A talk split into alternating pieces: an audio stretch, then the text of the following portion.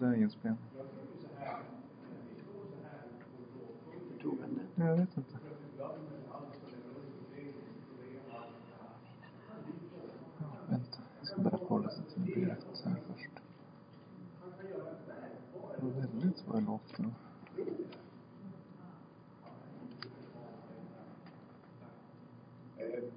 Jag vill inget för predikan. Predikan var avslutad här. Nu är det rätt upp. Ja, det är roligt. Det är, det är spännande att stå här framme. Jag tror kanske ingen har inte tänkt kanske hur vi skulle göra, men det kommer. Gud kommer på ett sånt sätt.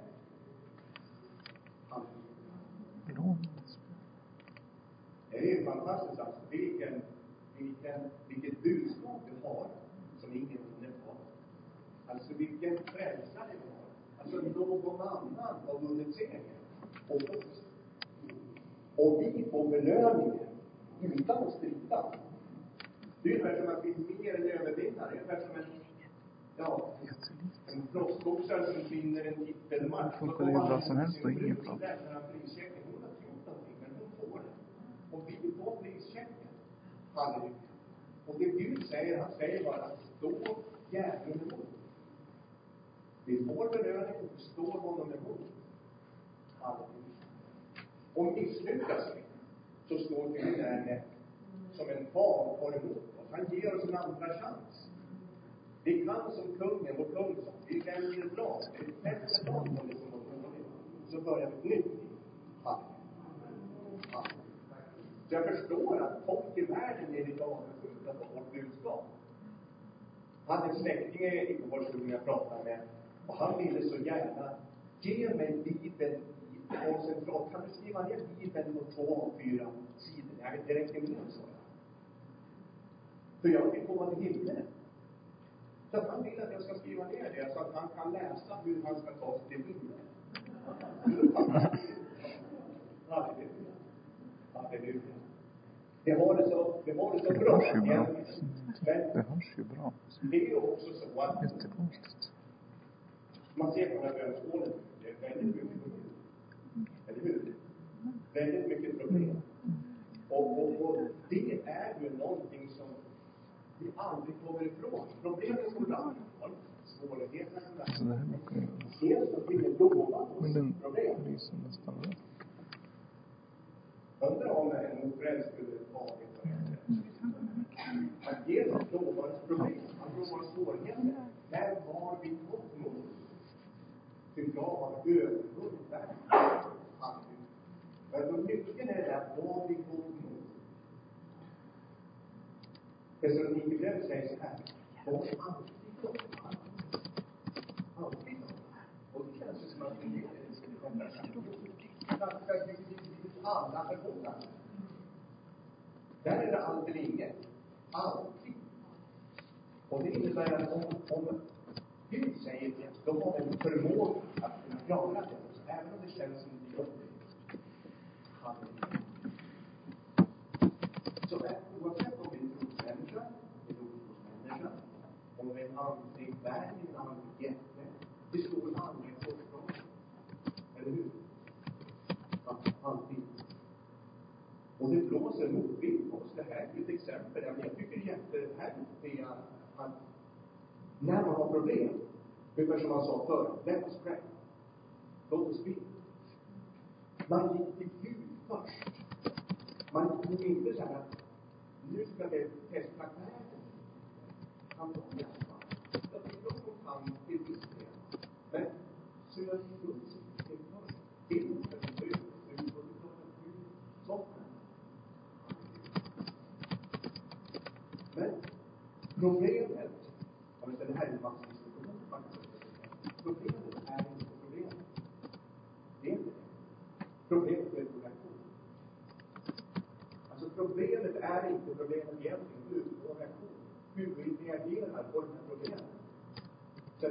egentligen inte våra omständigheter som är problemet, utan det är hur ser vi på våra problem? Så jag tror att attityder i allt det här är viktigare än fakta. Och fakta säger att, att du har ett livsbrott. Jaha, det är fakta. Men din attityd till livsbrott, hur är det? Det är att du är större livsbrott. Ganska mycket större också. Halleluja. Och var där Jesus var inne på. Var vid Kanske istället man ber ibland så ska man bara tacka Gud. Tack Gud för att du är på tronen och att du har helat mig. Och när man kommer i den atmosfären, då kanske plötsligt problemet löses. Och så sen tänker man, vad var vi hade för problem egentligen? Vad var det som är fel nu? Verkligen ofta. Det var som nu i, Innan hade jag en fruktansvärd natt. Eh, jag brukar aldrig nästan vara kraftig, men nu kom en attack och jag hög feber och halsen bara brände. Jag kunde knappt sova. Och så tänkte jag på det här, ja, men börja inte tänka på problemet, utan visa Gud. Och nu idag så är det också försvann borta. Jag tror det där, hur du komma in i det där, har vi rätt att vi hamnar i problemet? Problemet kommer hamna i det som har blivit löfte. Eller hur? Där kroppen är och plånboken och. Och det är så lätt att man släpper in den där fruktan, den där oron. Och så tar vi över. Så tar vi över framför hjärtat. Det blir som att antingen decentraliserar så blir det huvudet som Och där är ju läraren. Han är inte ungefär. Han kastar ju tankar och allt sånt där. Men om det låter hjärtat styra, då vet vi att då värmer vi upp det. Halleluja. Vi ska prata lite grann om en man som hade enorma problem med fruktan och oro. Och den här personen, han är dubbelbottnad i Bibeln därför att många kanske har bara den ena sidan av honom. Den andra sidan, man kanske, man kanske ska kunna berätta vad som har hänt. Om vi gör så här, att vi slår upp Jobs bok. Jobb var ju en fantastisk man. Jag, jag blir förvånad ibland när man läser sig. Eh, hur kan å ena sidan Gud berömma så oerhört mycket? Det fanns inte ett like på jorden som Jobb. Men så hade han ändå enorma problem.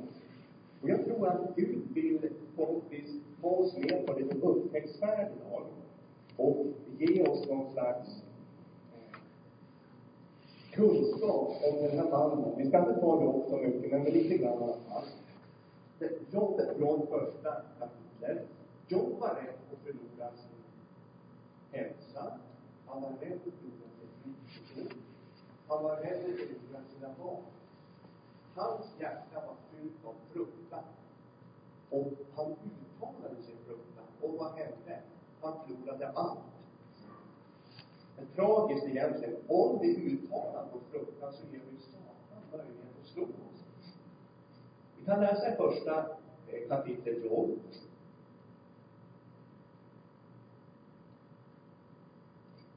Eh, vi kan faktiskt läsa om hur Gud berömmer Jobb från början. Det här är ju helt makalöst, det han säger. Sen säger han, i vers 8 kan vi ta.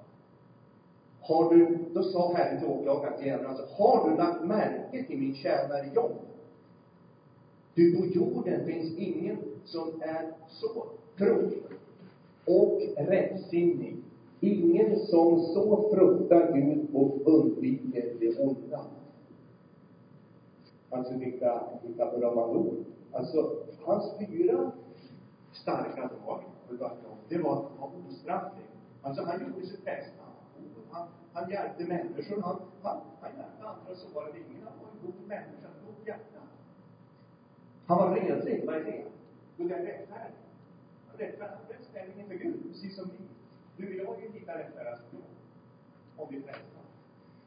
Han fruktade Gud. Han hade en, en helig respekt för Gud. Och det står också att Herren har sin umgängelse med dem som fruktar honom. Inte med dem som ber så mycket som möjligt eller de som offrar så mycket, men den som fruktar. Och Job hade det. Och sen står det att han brydde det. Han höll sig borta från allt ont. Det står till och med att Job gjorde ett löfte förbund att inte titta på jungfrun. Alltså han, han var väldigt noga med att rent hjärta. Och sen säger Gud, på jorden finns inte hans like. Så han var nummer ett Gud. Han är min tjänare. Och det, blev här. Han var inte hot mot djävulens rike. Men Satan, om ni kollar, han var inte observant. Han hade inte observerat Job. Utan Gud fick peka på honom. Har du sett och lagt märke till min tjänare? Det visar att Satan är inte sån där jätte och koll på allting som man kanske tror. Det var Gud som fick tala om honom. Titta på min tjänare Jobb. Satan försökte få Job att förbanna. Gjorde han det? Nej. Vid allt detta syndade Job inte med sina läppar, utan han var ståndaktig. Till och med Jakob säger och tar upp Jobs ståndaktighet som ett exempel. Alltså, han var ju han var ståndaktig, han stod fast. Han höll fast. Som att du var inne på lite, eh, håll fast vid löftet. Håll fast vid det som är riktigt. Halleluja.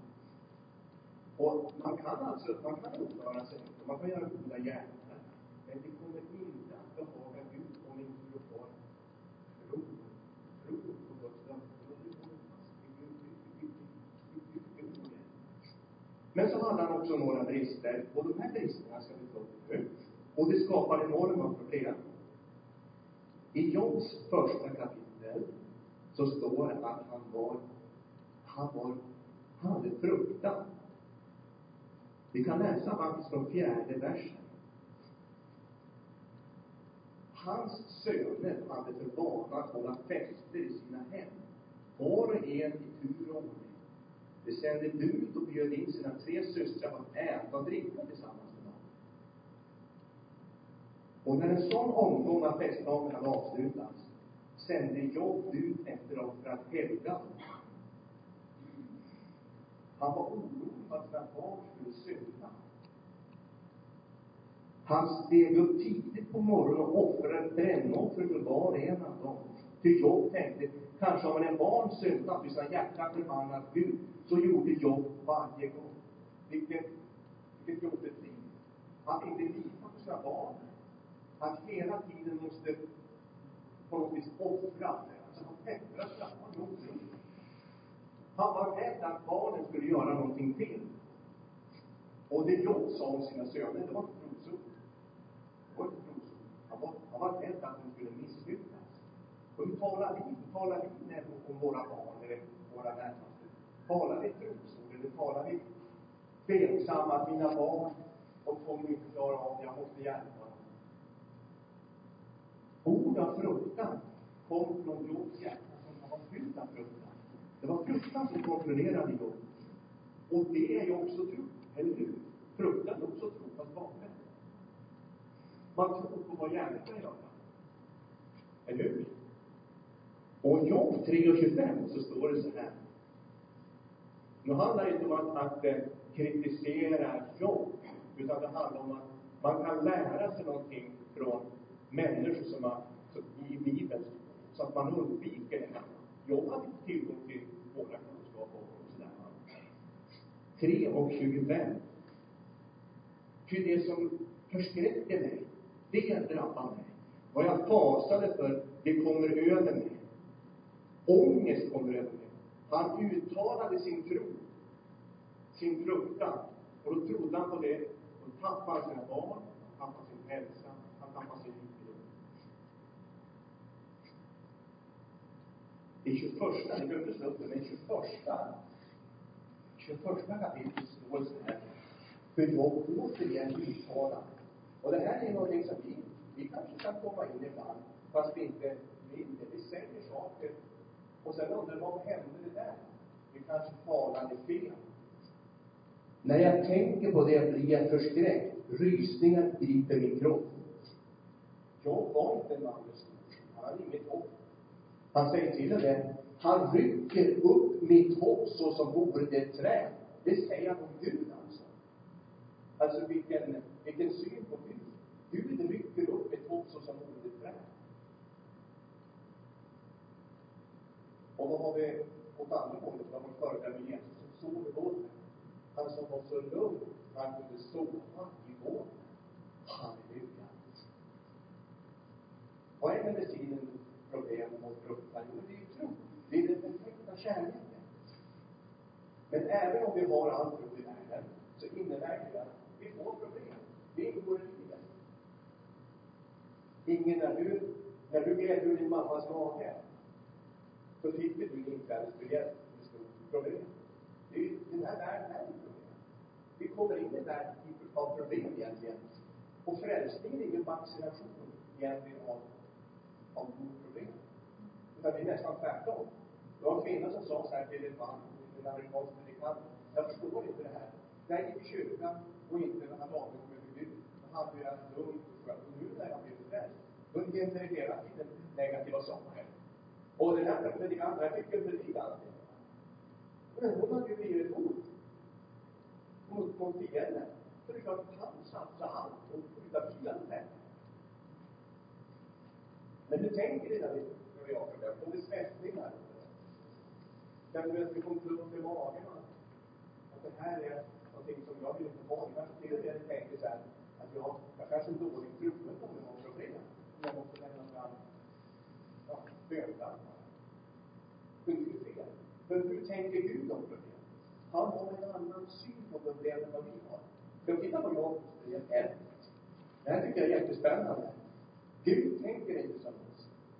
Han tänker helt annorlunda. Om vi börjar och tänker som Gud när det gäller den här typen av problem, då kommer vi klara oss ut ur problemen. Vi kanske till och med, som Bibeln säger, vi kanske till och med gläder oss i problem, även om det är lite långsökt och det känns lite jobbigt. Jakobs brev 1. Halleluja. Vi ska inte söka problem, självklart inte. Men i problemen så finns det en möjlighet att tro växer. Jakobs brev 1. Det här är väldigt eh, knepiga ord på ett sätt. För förnuftet är det väldigt knepigt. Andra versen. Räkna det som den största glädje, mina bröder eller systrar, när ni råkar ut för alla slags prövningar. Hur är det möjligt att man ska kunna räkna det som glädje? Är det någon som har blivit glad när man fått en prövning och svårighet som man hamnar i bra på? tror jag inte. Första reaktionen är att man blir less och, vad ska det hända? Ni vet ju, säger Gud genom jag, att när er tro sätts på prov, så gör prövningen er uthålliga. Halleluja. Första Petrus brev är kanske ännu lite starkare när det gäller det här. Första Petrus brev säger så här i den sjätte versen. Gläd er därför, var glada när ni råkar ut för svårigheter, när ni måste utstå prövningar av olika slag. Och prövningar är inte sjukdomar, det är problem, det är, det är, det är svårigheter. Var glada! Hur ska man kunna vara glad? Det är, det är svårt. Men det är ju så vi växer i. Det är så vi får ett steg och ett steg till och ett steg till. Och så känner vi att när det börjar smälla runt om oss, då blir det inte desperata. Utan då känner vi, min erfarenhet har visat att Gud är redo. När allt mitt hopp är ute, då måste jag lita på Gud. Annars så kanske jag har andra fallskärmar som jag kan falla tillbaka på. Jag vet att det där löser sig. Jag går till hälsocentralen, för de klarar av det här. Men när allt har är ute, då är det bara du, kvar. Och inte kommer han att svika oss. Nej, men han gör inte det. Om vi håller fast vid löftet. Josef, han skulle kunna bli bitter. År efter år, det hände ingenting. Han hade löftet. Men han blev inte bitter. Han höll fast vid ordet, vid löftet. Och så fick han se hur Gud kom till honom. Halleluja. Så egentligen, om vi bara tror som Gud söker hos oss, då är det inte så farligt. Tänk om man hade sökt motsatsen. Tänk om man hade sökt Arne, jag kräver att du ska ha fysisk styrka. Du ska ha intelligens. Du ska be och väldigt mycket varje dag. Om Gud hade knäppt något yttre, yttre egenskaper. Tänk vad jobbigt. Men han gör inte det. Utan han kräver bara att vi har tro. Ett öppet trosrätta. Och då är alla på samma utgångsläge. Ingen kan drömma sig. Alla, låg och hög, har samma utgångsläge. Halleluja. Jag, blir ju jätteglad över det här. Så det handlar inte om att man ska visa upp någonting med Gud, något fysiskt eller så. Utan har ett och mest folkade troende. Det spelar ingen roll om de har ett och på Gud. Halleluja. Och dessutom, det som jag tycker också bra med det här den största troende, de största troende i livet, det var inte prästerna. Det var inte teologerna. Det var inte lärjungarna. Nej. Det var helt andra människor. Det var hedningar som hade blivit beskrivna av Jesus som den största troende i världen. Jag ska ta ett exempel på Matteus 15. Det är de starkaste, tycker jag, berättelsen i hela Bibeln. Matteus 15. Och, och jag vill gärna att ni sätter in i den här personen nu. För det är det som egentligen är syftet med Bibeln, att vi, vi, vi på något vis gör en personligt. Man sätter sig in i vem det än är som kanske har de här problemen. Och så ser ni, den personen kunde ta sig ut ur sin svårighet på det sättet. Då kan jag göra det. Det är budskapet idag. Matteus 15. Så kommer vi alltså till en person som den här kvinnan hade ingen rättighet att få någonting från, eller från Jesus. Hon visste om det. Men kanske hade hon hört, den här kanadensiska kvinnan, ryktet om resultatet som Inger var inne Resultatet. Jesus hade gått och drivit ut onda andar. Han hade helat människor. Han hade resultat med sin verksamhet. Och det är klart, då börjar man tänka, det här kanske man ska lyssna på. Den här kvinnan sökte Jesus. Jag vet inte om hon sökte Jesus först. Hon kanske inte sökte världens metoder, men det säger att hon sökte Jesus först. Hon sökte Jesus först. Hon gick inte på någon. Hon sökte Jesus först. Matteus 15. Då står det i 21 versen. Då lämnade Jesus platsen. Då, då gick han till ett hedniskt område. Och varför gick han till ett hedniskt område? Ja, det var frågan sen. Han gick alltså till området kring Tyrus och Sidon. Han visste att där fanns det hedningar. Där fanns det människor som inte trodde. Där fanns det så kallade hundar. Då kom en kanadensisk kvinna från dessa trakter och ropade och så sa hon, Herre Davids son, förbarma dig över mig, min dotter är svårt besatt. Den här kvinnan hade en sån tro, hon hade en sån mod.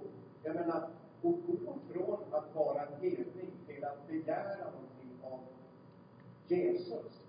Hon visste att hon inte skulle få någonting, för hon tillhörde inte judarna. Men hon gjorde det hon var desperat. Och så står det så här. Han svarade henne inte med ett ord. Har det fungerat bra förr? Det var här var Jesu taktik. Han satte hinder framför människor. Och det tror jag han gör med oss också. Han sätter hinder framför oss för att testa oss. Har vi den tron? Eller har vi en sån här åskådningstro? Att när jag inte ser resultat, då packar jag ihop och så tänker jag att det var inte än att Gud skulle hjälpa mig den här gången. Jag får pröva en annan gång. Han ville testa henne. För att se om hennes tro var emot. Han svarade henne inte med ett ord. Hans lärjungar gick då fram och bad honom, skicka iväg henne. Hon följer efter oss och ropar. Och då säger han återigen, jag är bara sänd till de förlorade fåren av Israels hus. Han sätter upp ett hinder till. Hon hörde vad han sa. Och hon skulle kunna räkna kvar. Men hon gjorde inte det. Alltså den här kvinnan, alltså hon, allt som den här kvinnan står för var stort. Hon hade en stor tro, hon hade stort problem, hon hade en stor vilja, hon hade en stor ödmjukhet, hon hade en stor olikhet. Hon hade, allt med den här kvinnan var stort. Och då kom hon och så föll hon ner för honom. Och det är ju ett tecken egentligen, tror jag, på att man underordnar sig. Man faller ner inför någon, så inser man att han större än mig. Det är en form av överhet.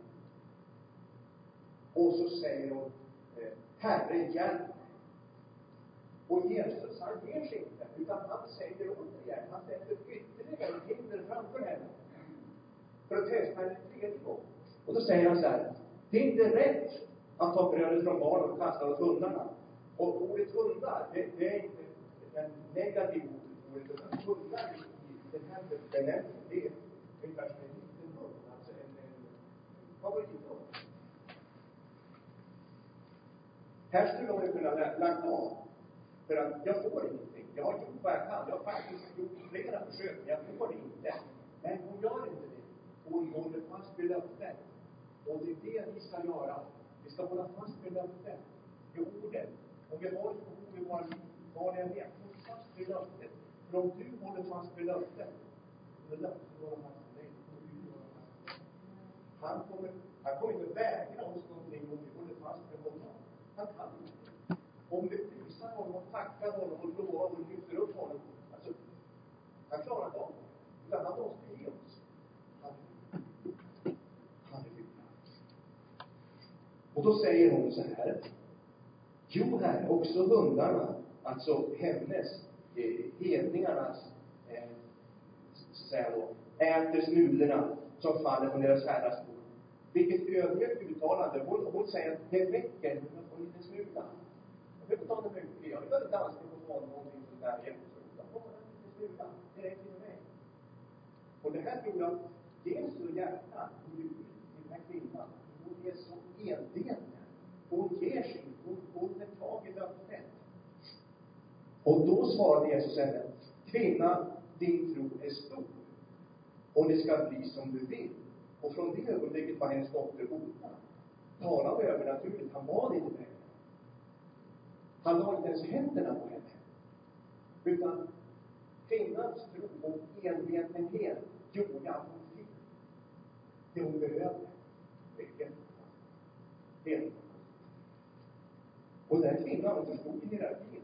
Hon förstod hierarkin i andevärlden. Hon förstod att jag är där nere. Davids son, han är där uppe. Det är han jag ska söka svaret hos. Jag ska inte söka hos någon av prästerna.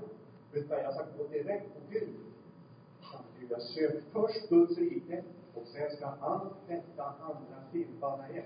Hur skulle vi kunna, hur skulle Gud kunna svika oss om vi väljer honom först?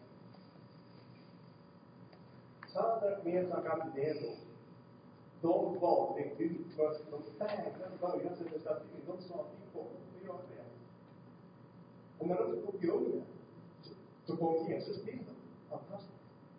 De höll fast vid löftet. Och när vi håller fast vid vårt löfte, det kan ta, om det kunde ta med år Josef, så kanske det tar ett veckor eller månader oss. Men om vi gör det, så innebär det vår tro håller provet. med vår uthållighet. Och nästa gång vi råkar ut för problem, så kommer det vara lättare. Och håller vi på, då, kommer man hämta lättare nästa. Så det är ju det här att kämpa första gången. Halleluja. Halleluja. Så stora strider, den här kvinnan hade ju en stor strid. Stora strider ger stora segrar och ger stora trosgenombrott. Halleluja. Ja, men jag menar, då själv prövat världens metoder. Jag har känt att ibland så, det kanske kommer som en rygg För att man ska pröva världens metoder. Och det behöver inte vara fel. Men Gud har en bättre väg.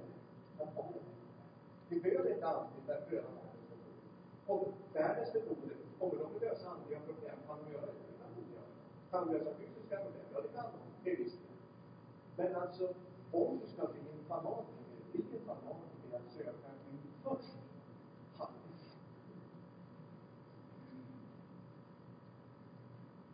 Om den kvinnan fattar ett beslut, det är så bra, ni får bära det kristna. Nu får du bära det. Jag ger upp min prestige. Jag faller ner inför Mästaren och så inser jag att jag är helt utlämnad. Jag behöver hans hjälp och vittne. Halleluja. Och så en del tänker så här kanske, ja men varför kan inte Jesus ge mig lite mer? Varför ska han vara så långsam och varför ska det ta så tid? Men det är, det är där vi Guds sätt. Han vill bära. Han vet att när vår tro håller proven, då är det mer värt än guldet. Halleluja. Halleluja.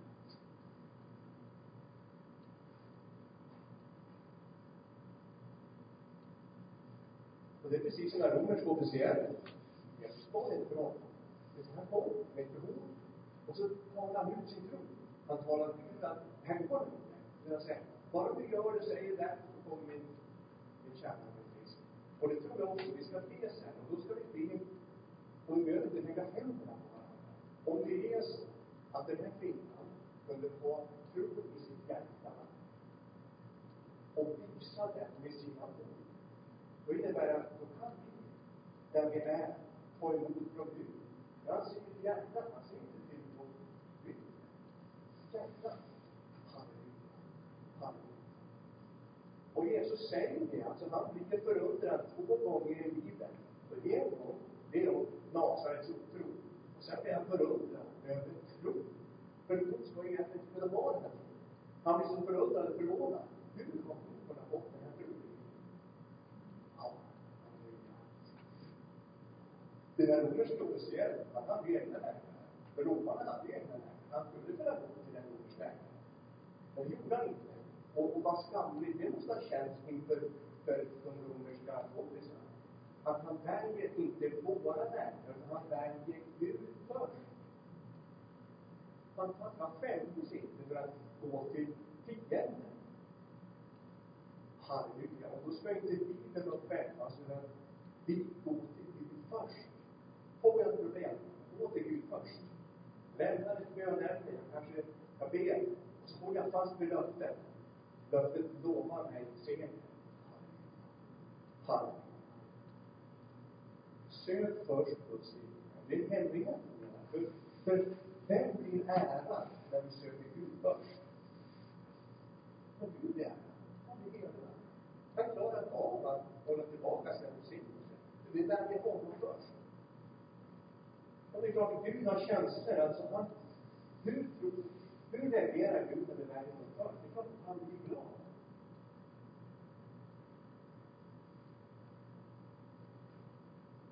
glad. Gud har ju känslor. Och det behöver inte stå upp det men bara för ett exempel. Gud är en känslosam Gud. Han har vrede. Romarbrevet 7.18 ska vi se att Gud kan bli vred. Gud kan bli alltså riktigt vred. Då var det så här i Romarbrevet, lyssna här.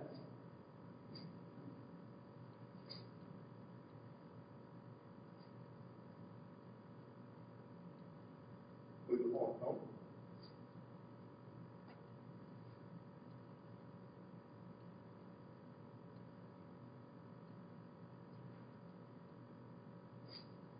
Ja, jag tror det var på annat ställe. Gud kan bli vred. Han kan skratta, står det i Psaltaren 37.13. Liksom Gud har en, en, en stark, en stark, eh, säga, känslosam eh, glädje. Han kan skratta. Han har medkänsla, står det i Psaltaren 86.16. Han har medkänsla. Han har kärlek, Jeremia 31. Jag vill slå upp 31 och 3, Jeremia. Det är vi från från Gud är kärlek. Han, han har inte kärlek, utan han. Han är alltså kärlek. Med evig kärlek har jag älskat dig, så står det. Han har hat. Kan Gud hata? Det är klart att han hatar. Ordspråksboken 6.10. Gud har ju ett känsloregister. Ordspråksboken 6.10 ska vi se hur Gud blir vår hat över någonting. Hat, 6 och 10. Står så här. 16. Sex ting är det som Herren hatar. Ja, sju som han avskyr. Stolta ögon, en lögnaktig tunga, händer som utgjuter oskyldigt blod, ett hjärta som smider onda planer, fötter som fulla till slå den som främjar lögn genom falskt och den som håller träta mellan bröder. Gud, han hatar oss. Men hur reagerade Gud när Sadak, med och Abednego ställde sig upp och sa med sin mun att vi vägrar böja oss för dig när du rensar undervisar. Om Gud vill så får man hjälp och oss. Vi kommer inte börja.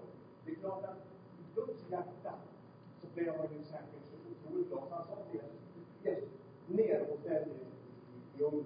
Hjälp Fantastiskt. Så Gud har känslor och när vi väljer honom först, då innebär det att vi prioriterar honom. Och det här var ju ett heligt beslut som förändrade de här tre männens liv. De fick ju ärlighet och betydelse av Nebukadnessar. Och tänk vad lite det kan vara ibland att ett litet beslut förändrar våra liv. Tänk när Rahab tog det beslutet. Tänk när Saul stod där och väntade på Samuel. Att han skulle komma. Och så gick det sju dagar och så blev han, tappade tålamodet. Och så tänkte han, att jag ordnar den själv. Och då kom sabeln och hela hans kungarike försvann. Ett enda beslut. Och det här lilla beslutet, om vi håller fast vid löftet, dag ut och dag in, då kommer vi få, vi kommer med fullbordandet av det Gud vill för oss. Halleluja. Vi ska avsluta med ett fantastiskt exempel från fjärde Mosebok 13, och då får ni gärna följa med. Fjärde Mosebok 13, eh, och det här var en situation där tolv personer, tolv män, råkade ut för exakt samma sak, samma problem, samma omständigheter, men 10 väljer en helt annan metod att lösa det här. Två väljer en helt unik metod. Fjärde Mosebok 13. Halleluja.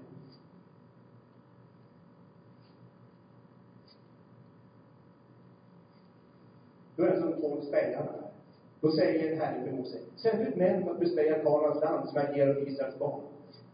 Och så väljer han dem. Och eh, sen står det då att, eh, 18 versen.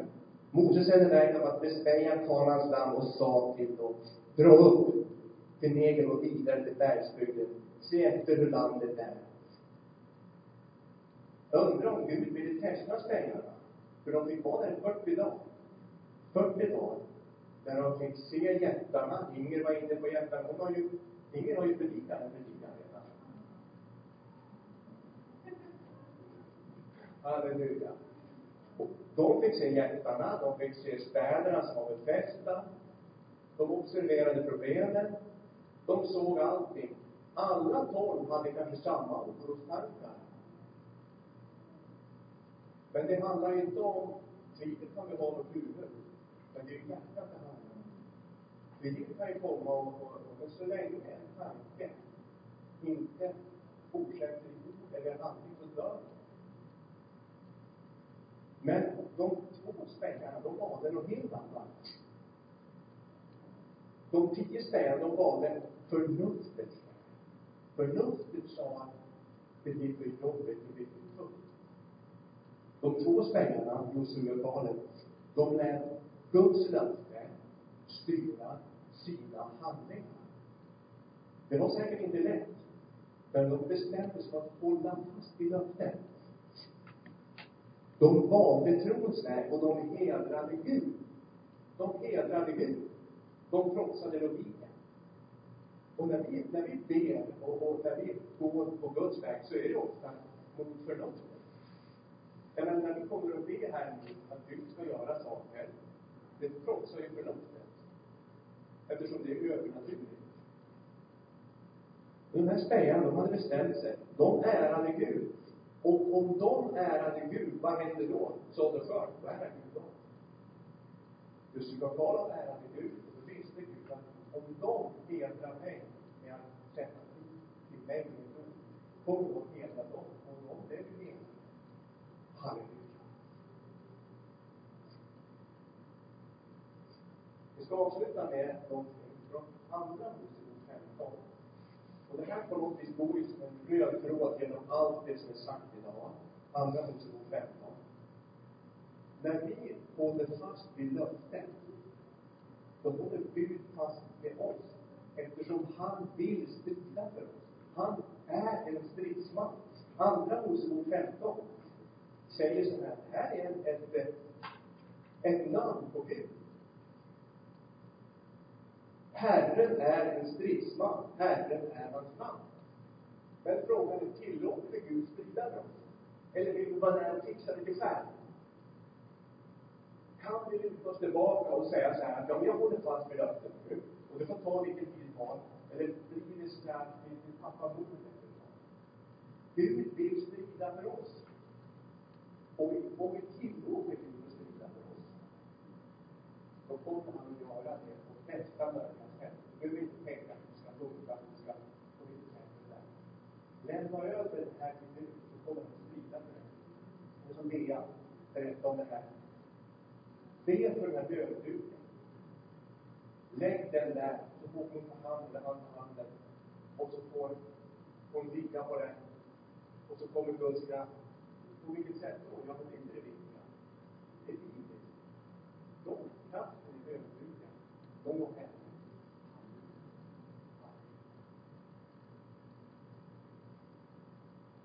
Egentligen så är det ju bland det skönaste att låta Gud strida för oss. Slipper vi strida. Det är jobbigt att strida själv. Och kunna slappna av och veta det att det enda som Gud vill är att jag håller fast vid det. Håller fast vid det. Och det är ju, det är ju en liten är det det. Men om vi klarar den första kampen, då kan vi ta den andra kampen lättare. Tredje kampen, och då är vi inne i det här systemet som Gud vill att vi ska ha i, att vi, vi litar på honom. Halleluja.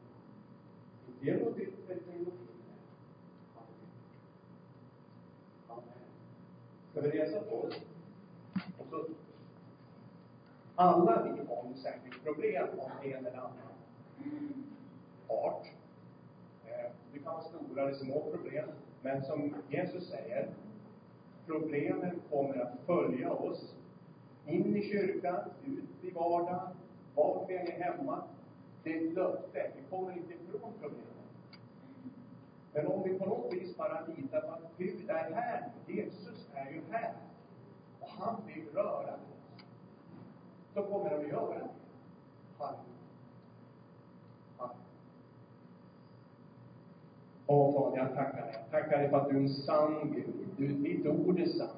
Och du behöver inte yttre manifestationer. Du behöver ett hjärta, ett enkelt trosfyllt hjärta, som litar på ditt ord. Du har sagt i ditt ord att när två eller tre samlade i ditt heliga namn, där är du mitt ibland. Och vi har upplevt hur du har varit nära oss i lovsången. Vi tackar dig för att du har varit nära oss och talat genom den här predikan. Och vi bara ber, Fader Gud, just nu, att var och en av oss som står inför ett dilemma, en svårighet, stor eller liten, ett trångmål, ett problem. Vi bara tackar dig för att du är en problemlösare, precis som det står i Andra Mosebok, så är du en stridsman. Det betyder att du vill strida för oss när vi tillåter dig. Jag bara tillåter dig just nu, Fader, att du strider för oss vår kropp. Strid för att vår själ ska bli lugn och fridfull. Strid, Fader, för att eh, våra problem när det gäller det ekonomiska, eller när det gäller ord, att vi behöver kanske ett ord från dig för att kunna komma till rätta med en situation. Om vi har stress i våra liv, så vet vi att du är den bästa stressmedicinen. När vi kastar våra bekymmer på dig, så vet vi att du läker. Du läker sår. Åh, du kommer med frid till vårt sinne, övernaturligt frid. Åh, vi bara tackar dig, Fader. Vi tackar dig för den totala frälsningen, för frälsningens frukter just nu mitt ibland oss. Tackar dig för det övernaturliga, att du är en övernaturlig Gud som rör oss just nu. Tack för att du rör ditt, ditt hjärta, du rör din rygga. Tack Jesus för att du går just nu omkring här, talar ord av läkedom i våra sinnen. Tack för att du kommer med ditt ord som balsam för våra själar. Tack för att du helar hjärtproblem. Tack för att du helar, och du helar knäproblem. Tack för att du helar gamla skador, gamla skador. Tack för att du helar gamla skador. Du gör det genom att du fyller där det finns behov av styrka, kraft, ny muskelstyrka. Tack för att du kommer med ny muskelstyrka just nu. Halleluja. Tack för att du helar närsynthet. Tack för att du helar närsynthet. Halleluja, halleluja. Halleluja, halleluja. Tack Fader, där det finns tveksamhet och tvivel just nu, så kommer du med lugnande ord, en lugnande känsla. Tack Fader för att du kommer med en övernaturlig styrka till våra kroppar. Halleluja, halleluja, halleluja. Och jag tackar dig Fader för det som har sagts här. Att det är seger, det är seger i ditt namn. Vi bara bestämmer oss för att tala seger. Vi talar trosord, vi tänker trosord. Vi sätter en, en vakt vid vår mun, att vi väljer att tala det som bygger upp, det som stärker och det som främjar ditt rikes utbredande. Vi talar att den här församlingen kommer att växa. Den här församlingen kommer att växa. Den har redan börjat att växa. Och jag tackar dig för att den här församlingen har en plan, en plats i ditt rike. Den här församlingen har en unik plats i ditt rike. Åh, jag tackar dig Fader. Jag bara lyfter upp pastor David och Beatrice. Jag lyfter upp pastor Kristus och Gigi. Jag ber Fader Gud att du ska fylla deras hjärtan med nya tankar, med stabilitet, med glädje och med, med framåtanda. Fyll dem med allt det de behöver, Fader. Oshna Jesus, Sali Sari Sande. Ny kraft och nytt mod. Ny kraft och nytt mod. Låt Sande med vishet. Övernaturlig vishet. Åh, som kommer visas i kloka beslut. Som kommer visas i övernaturlig visdom och förstånd. Och Krishna Disi Sividachi Dele Disi Kerme kere, Dele Dalabara